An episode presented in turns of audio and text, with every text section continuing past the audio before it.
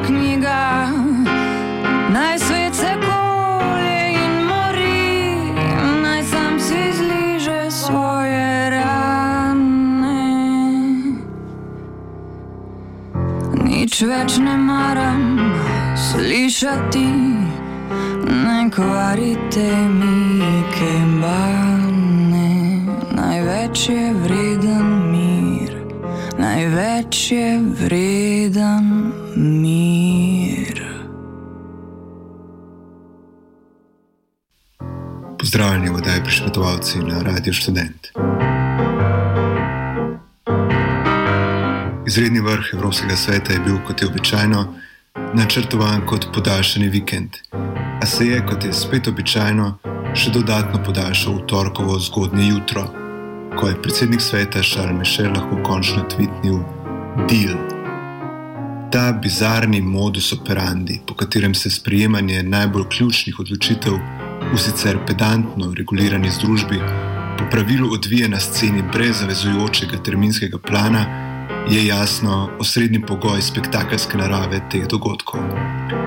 Zgolj ta okvir, v katerem se članice skupne superdržave obnašajo, kot da ravno kar dogovarjajo Daytonski sporazum, je namreč tisti, v katerem kot uspeh pogajanj lahko nastopi že samo dejstvo, da so se končala. Zgolj v tem okviru lahko novinar Špigla po koncu razglasi redko dobro novico, da je Evropska unija preživela.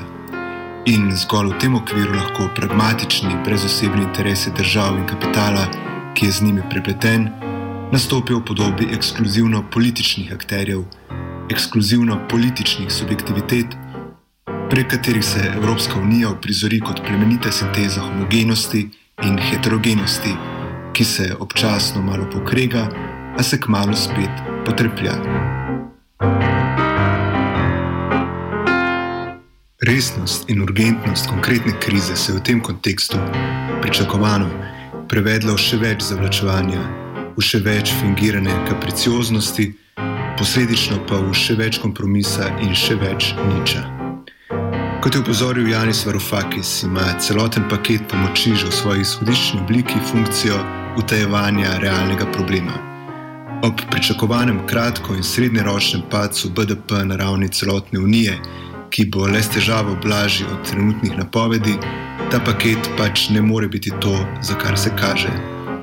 Ta paket že v osnovi ni in ne more biti radikalna alternativa logiki vrčevanja, temveč zgolj začasno sredstvo odloga, zgolj manever, po katerem bo logika vrčevanja spet postala spremljiva. Če so državljani EU v letih zadnje finančne krize s pomočjo preprostega narativa o nemoralnem državnem trošenju, vrčevanje večinsko še sprejeli kot sicer boleče, a dolgoročno vendarle učinkovito zdravilo za krizo, se objektivna nujnost vrčevanja zdaj, ko je vsem jasno, kam pelje, lahko vzpostavi le še s pomočjo dodatne konstrukcije, le še s pomočjo praktične demonstracije neuspeha alternativnega pristopa. Šele potem, ko se bo novi princip reševanja krize sam po sebi izkazal kot nezadosten, Šele potem, ko bo kljub finančnim injekcijam v državnih proračunih še naprej izjala luknja, šele takrat bo spet mogoče govoriti jezik, ki smo ga govorili pred desetletjem. Jezik fiskalne konsolidacije in jezik nujnih rezov na vseh področjih, ki se jih bomo zmožni domisliti.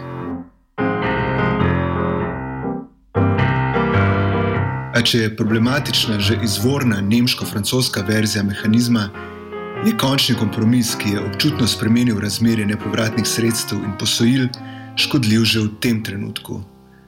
Ko so voditelji Unije od danes na jutri sem in tja premetavali desetine milijard evrov, so iz izhodiščnega predloga bolj ali manj neopazno izčrtali tudi vse tiste minimalne preostanke osnovne velike ideje, ki smo se je naposlušali od začetka pandemije. Da bo izhodna strategija iz pandemske krize bistveno vzeta kot hkratno reševanje podnebne krize, kot krizna priložnost, s katero se bo Evropa hitreje, kot bi se sicer, lotila podnebne tranzicije.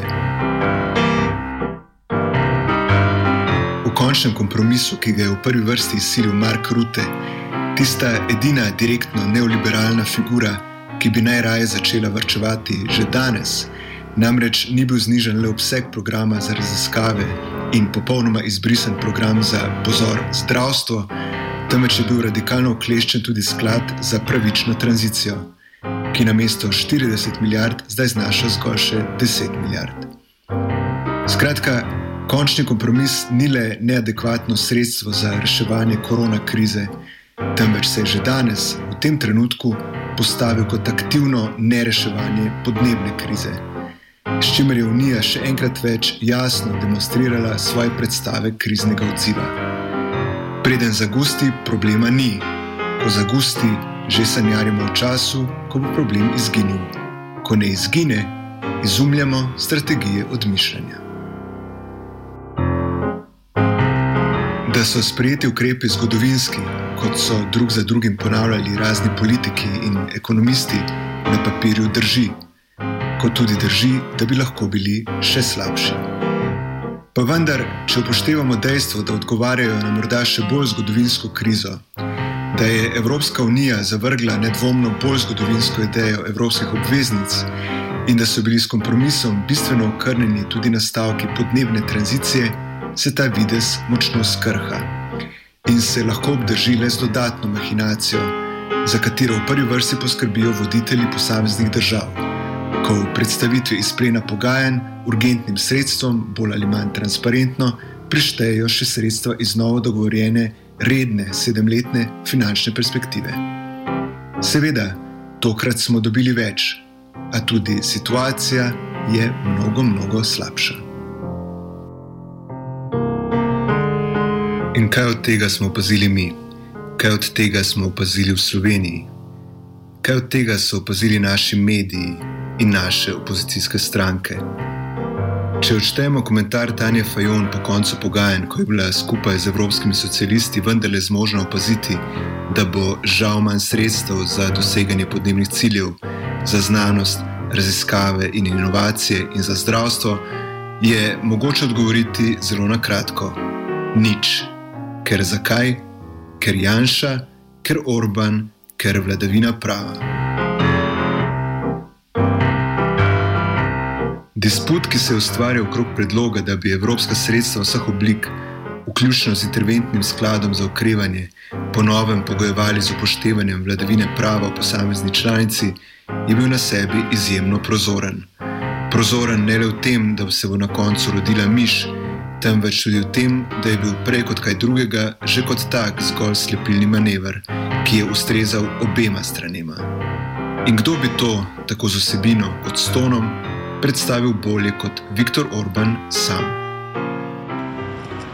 What's going on is a little bit strange because there is a 100% agreement on the rule of law. So everybody said, as Macron formulated, uh, President Macron formulated, that rule of law is uh, existential.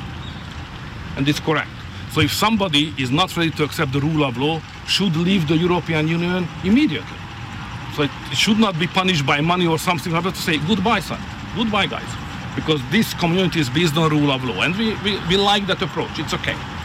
The other issue is how we can strengthen the financial control of spending the money, which we have procedures and institutions. And if the Commission we saw we can make it stronger. That's fine. But the proposal is not to make stronger the financial control, neither to be more clear on the rule of law procedure, but they would like to create a new mechanism.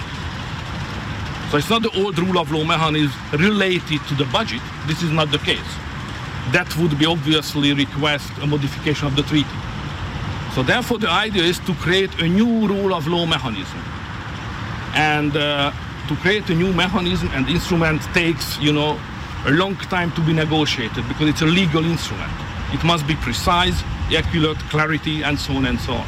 So if you would like to do so, we are not against it. Let's discuss it. But it takes weeks. We are ready to do so, but a new legal instrument and mechanism must be the proper one. So that's where we are. Who are the main uh, fighters? Uh, red box, the Dutch. Uh, blue corner, Hungary. Uh, so, so, so that's so simple.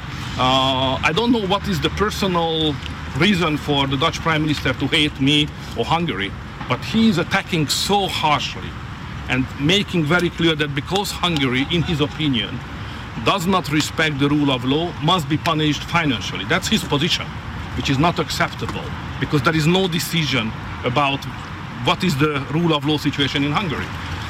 We are ready, and I initiated anyway a proposal just during this uh, summit to ask the Germans to give a guarantee that the European Council will negotiate and make a decision on rule of law procedure against Hungary. Do it, please. Instead of creating a new mechanism, com- complete what we already have and what was initiated. So please make a decision on Hungary as soon as you can. Za bokserja v rdečem kotu nizozemskega premijeja Marka Ruteja je bil ta obstranski spopad bistven in tako rekoč vzet iz učbenika liberalizma. Da bi zameglil svoje ekonomske interese in sistemsko privilegiranost države, kot je nizozemska, da bi zameglil dejstvo, da se kljub brezprecedenčni krizi ni zmogel odreči že resnično neokusno, nesolidarni stari šabloni reševanja krize, in da bi domača javnost prepričal, da je ideja o superiornosti ustanovne članice v razmerju do vzhoda, pa tudi do juga, vendarle tudi dejansko utemeljena.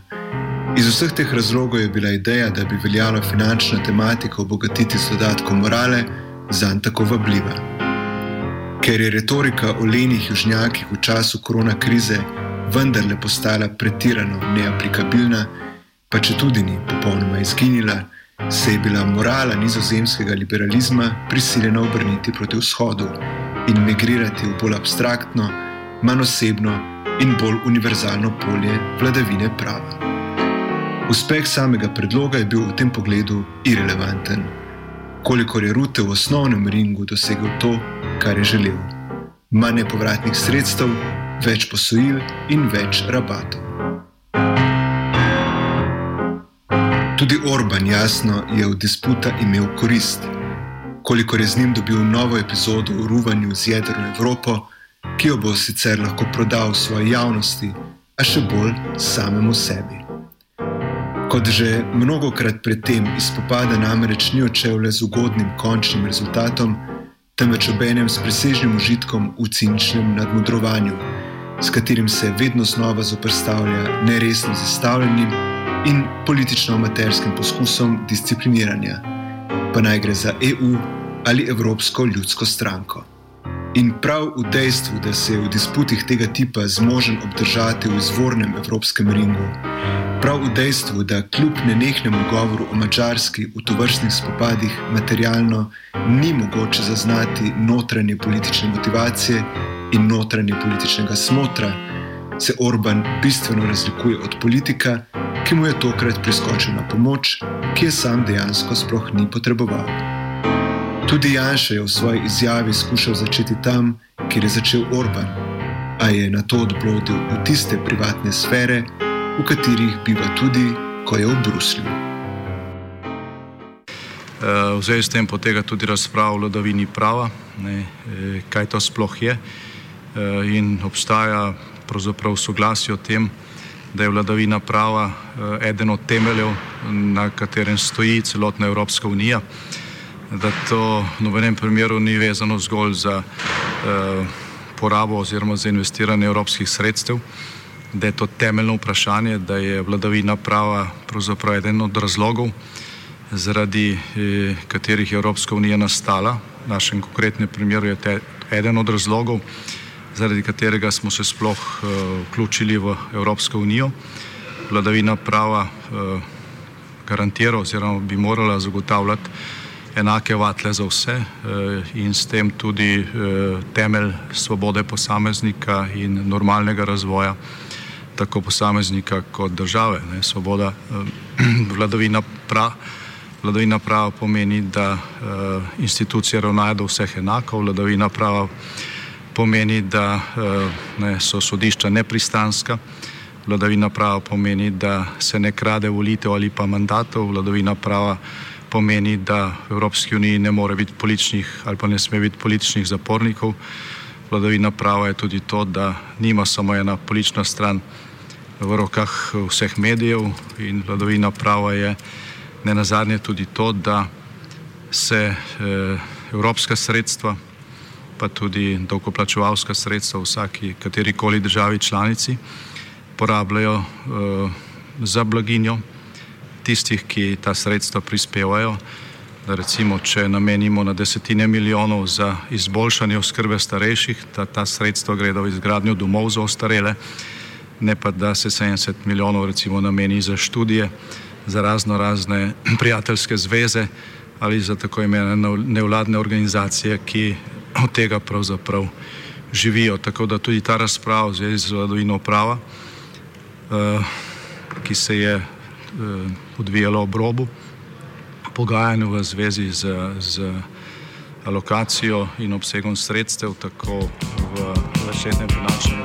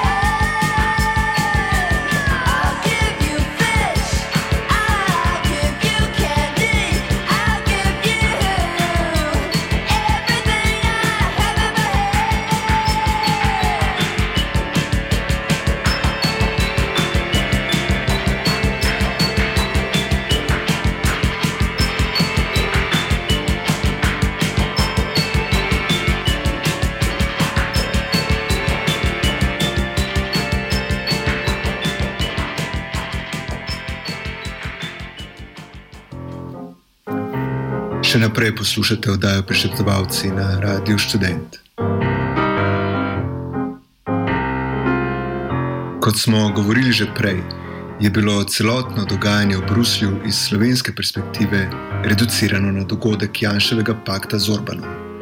Na tisti dogodek, torej, ki ga je opozicijska javnost lahko brez vsakršnega miselnega napora upletla v svoje lokalne scenarije. Ta dogodek se nam morda lahko zdi problematičen, politično sporen in nespreten, neskladen z veljavno zunanje politično strategijo. Lahko se nam zdi škodljiv ali celo škandalozen. Lahko mu nasprotujemo, lahko proti njemu protestiramo, lahko se mečemo na zobe in zahtevamo ustavno obtožbo. A morda bi bilo vendarle koristno, če bi ga vzeli kot na sebi še ne usodno upozorilo da bi veljalo v zadevah Evropske unije oblikovati strategijo, ki bi se izognila tako aktivnemu paktiranju z Orbanom, kot pasivnemu paktiranju s šibko definiranim pojmom jedrne Evrope, ki se ga držimo po že davno izbranem defaultu. Janšov premik zunanje političnega kurza sicer lahko ima tudi dolgoročne učinke, a zgolj pod pogojem, da mu opozicija, taka ali drugačna, ne bo zmožna zoprstaviti nove in predvsem aktivne alternative. In v tem kontekstu je silno zgovorno, da se je nasprotovanje Janševemu paktu z Orbanom tudi na levi politični in medijski sceni pretežno oprlo na artikulacijo, ki bi vse od grške dolžniške krize in trojke morala biti tuja, na diskurs žlahtne konzervativnosti, ki ga je posebila Ljudmila Novak v svojem široko retvitenem tvitu. Kdo se boji vladavine prava? se je vprašala Novakova. Če bi nekateri voditelji imeli čisto vest, ne bi zahodnim državam Evropske unije, ki so ustanoviteljice te unije, predavali o vladavini prava. Dovolj je tega, da je EU le bankomat, medtem ko se zlorabljajo temeljne vrednote povojne Evrope.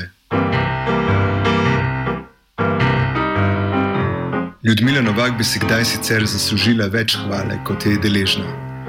Ko je pred leti nastopila na mitingu, ki naj bi obnovil politično strukturo slovenske pomladi in izrekla brezprecedenčni ne temu, čemu zdaj pravimo janšizem, je uprizorila prvi in doslej še nepreseženi primer tega, čemu zdaj pravimo brez strahu. A če bi si, kot rečeno, za to gesto zaslužila več hvale, predvsem pa dolgotrajnejše spoštovanje, kot so ji ga namenili klasični levičarski krogi, je kot zmerna evropska konzervativka jasno obenem strogo limitirana. Ko so njene besede nalepljene na njeno lastno politično pozicijo, pomenijo nekaj in pomenijo dovolj. A če jih ne kritično prevzamemo, pa čeprav si pravimo levičari, se pojavi velik problem. Če je Evropska unija bankomat, je dvig z tega bankomata namreč še najbolj podoben dvigu s konverzijo na hrvaški obali. Iz bankomata res da pride točno toliko, kot smo želeli.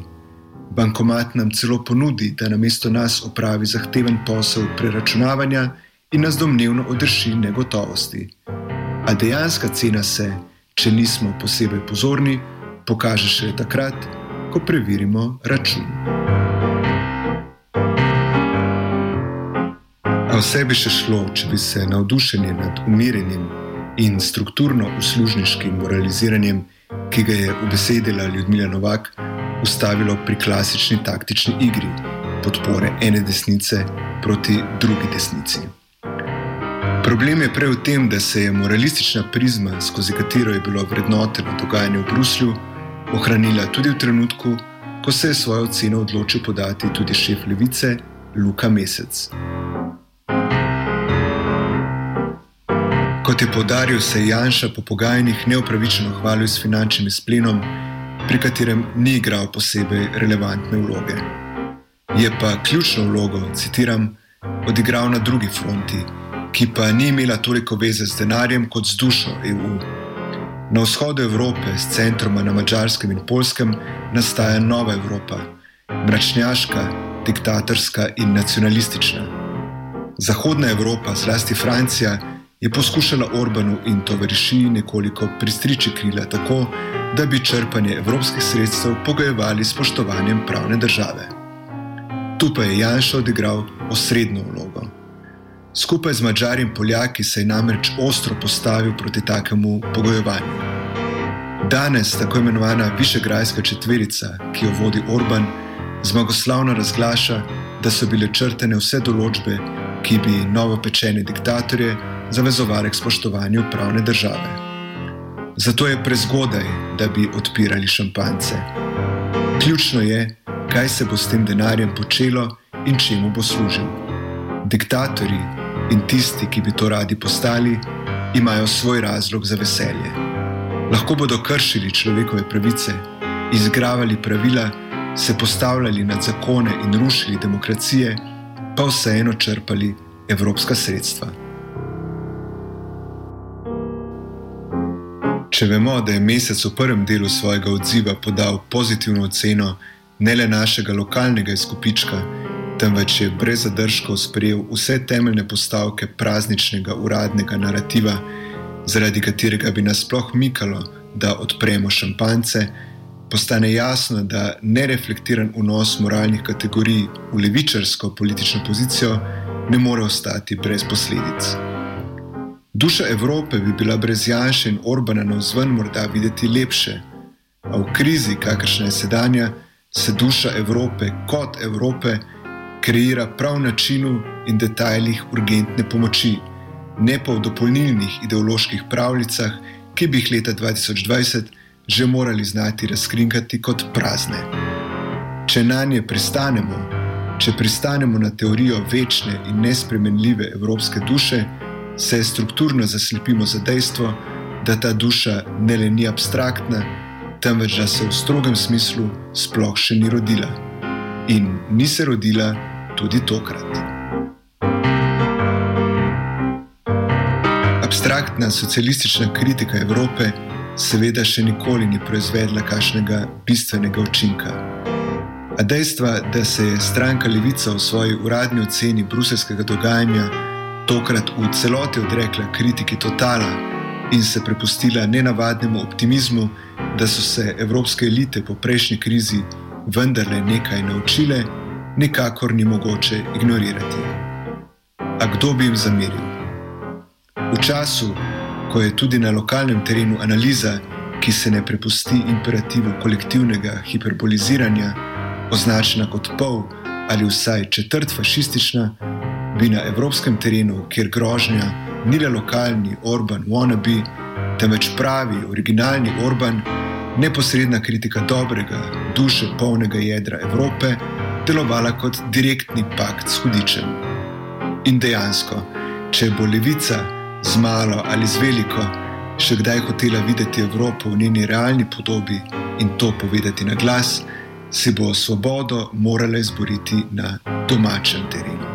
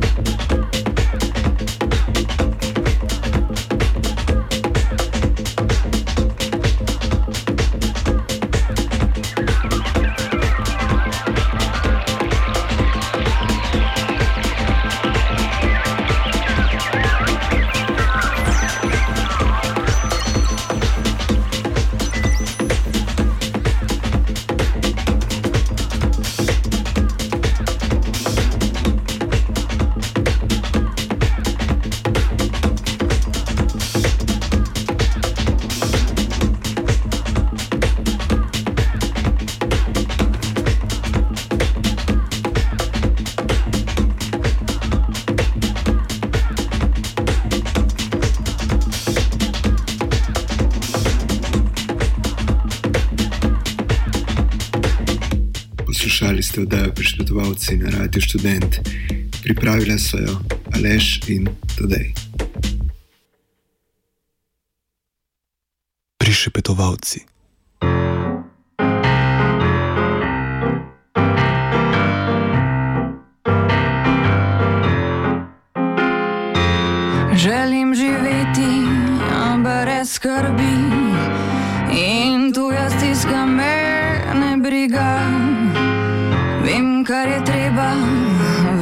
Vedeti.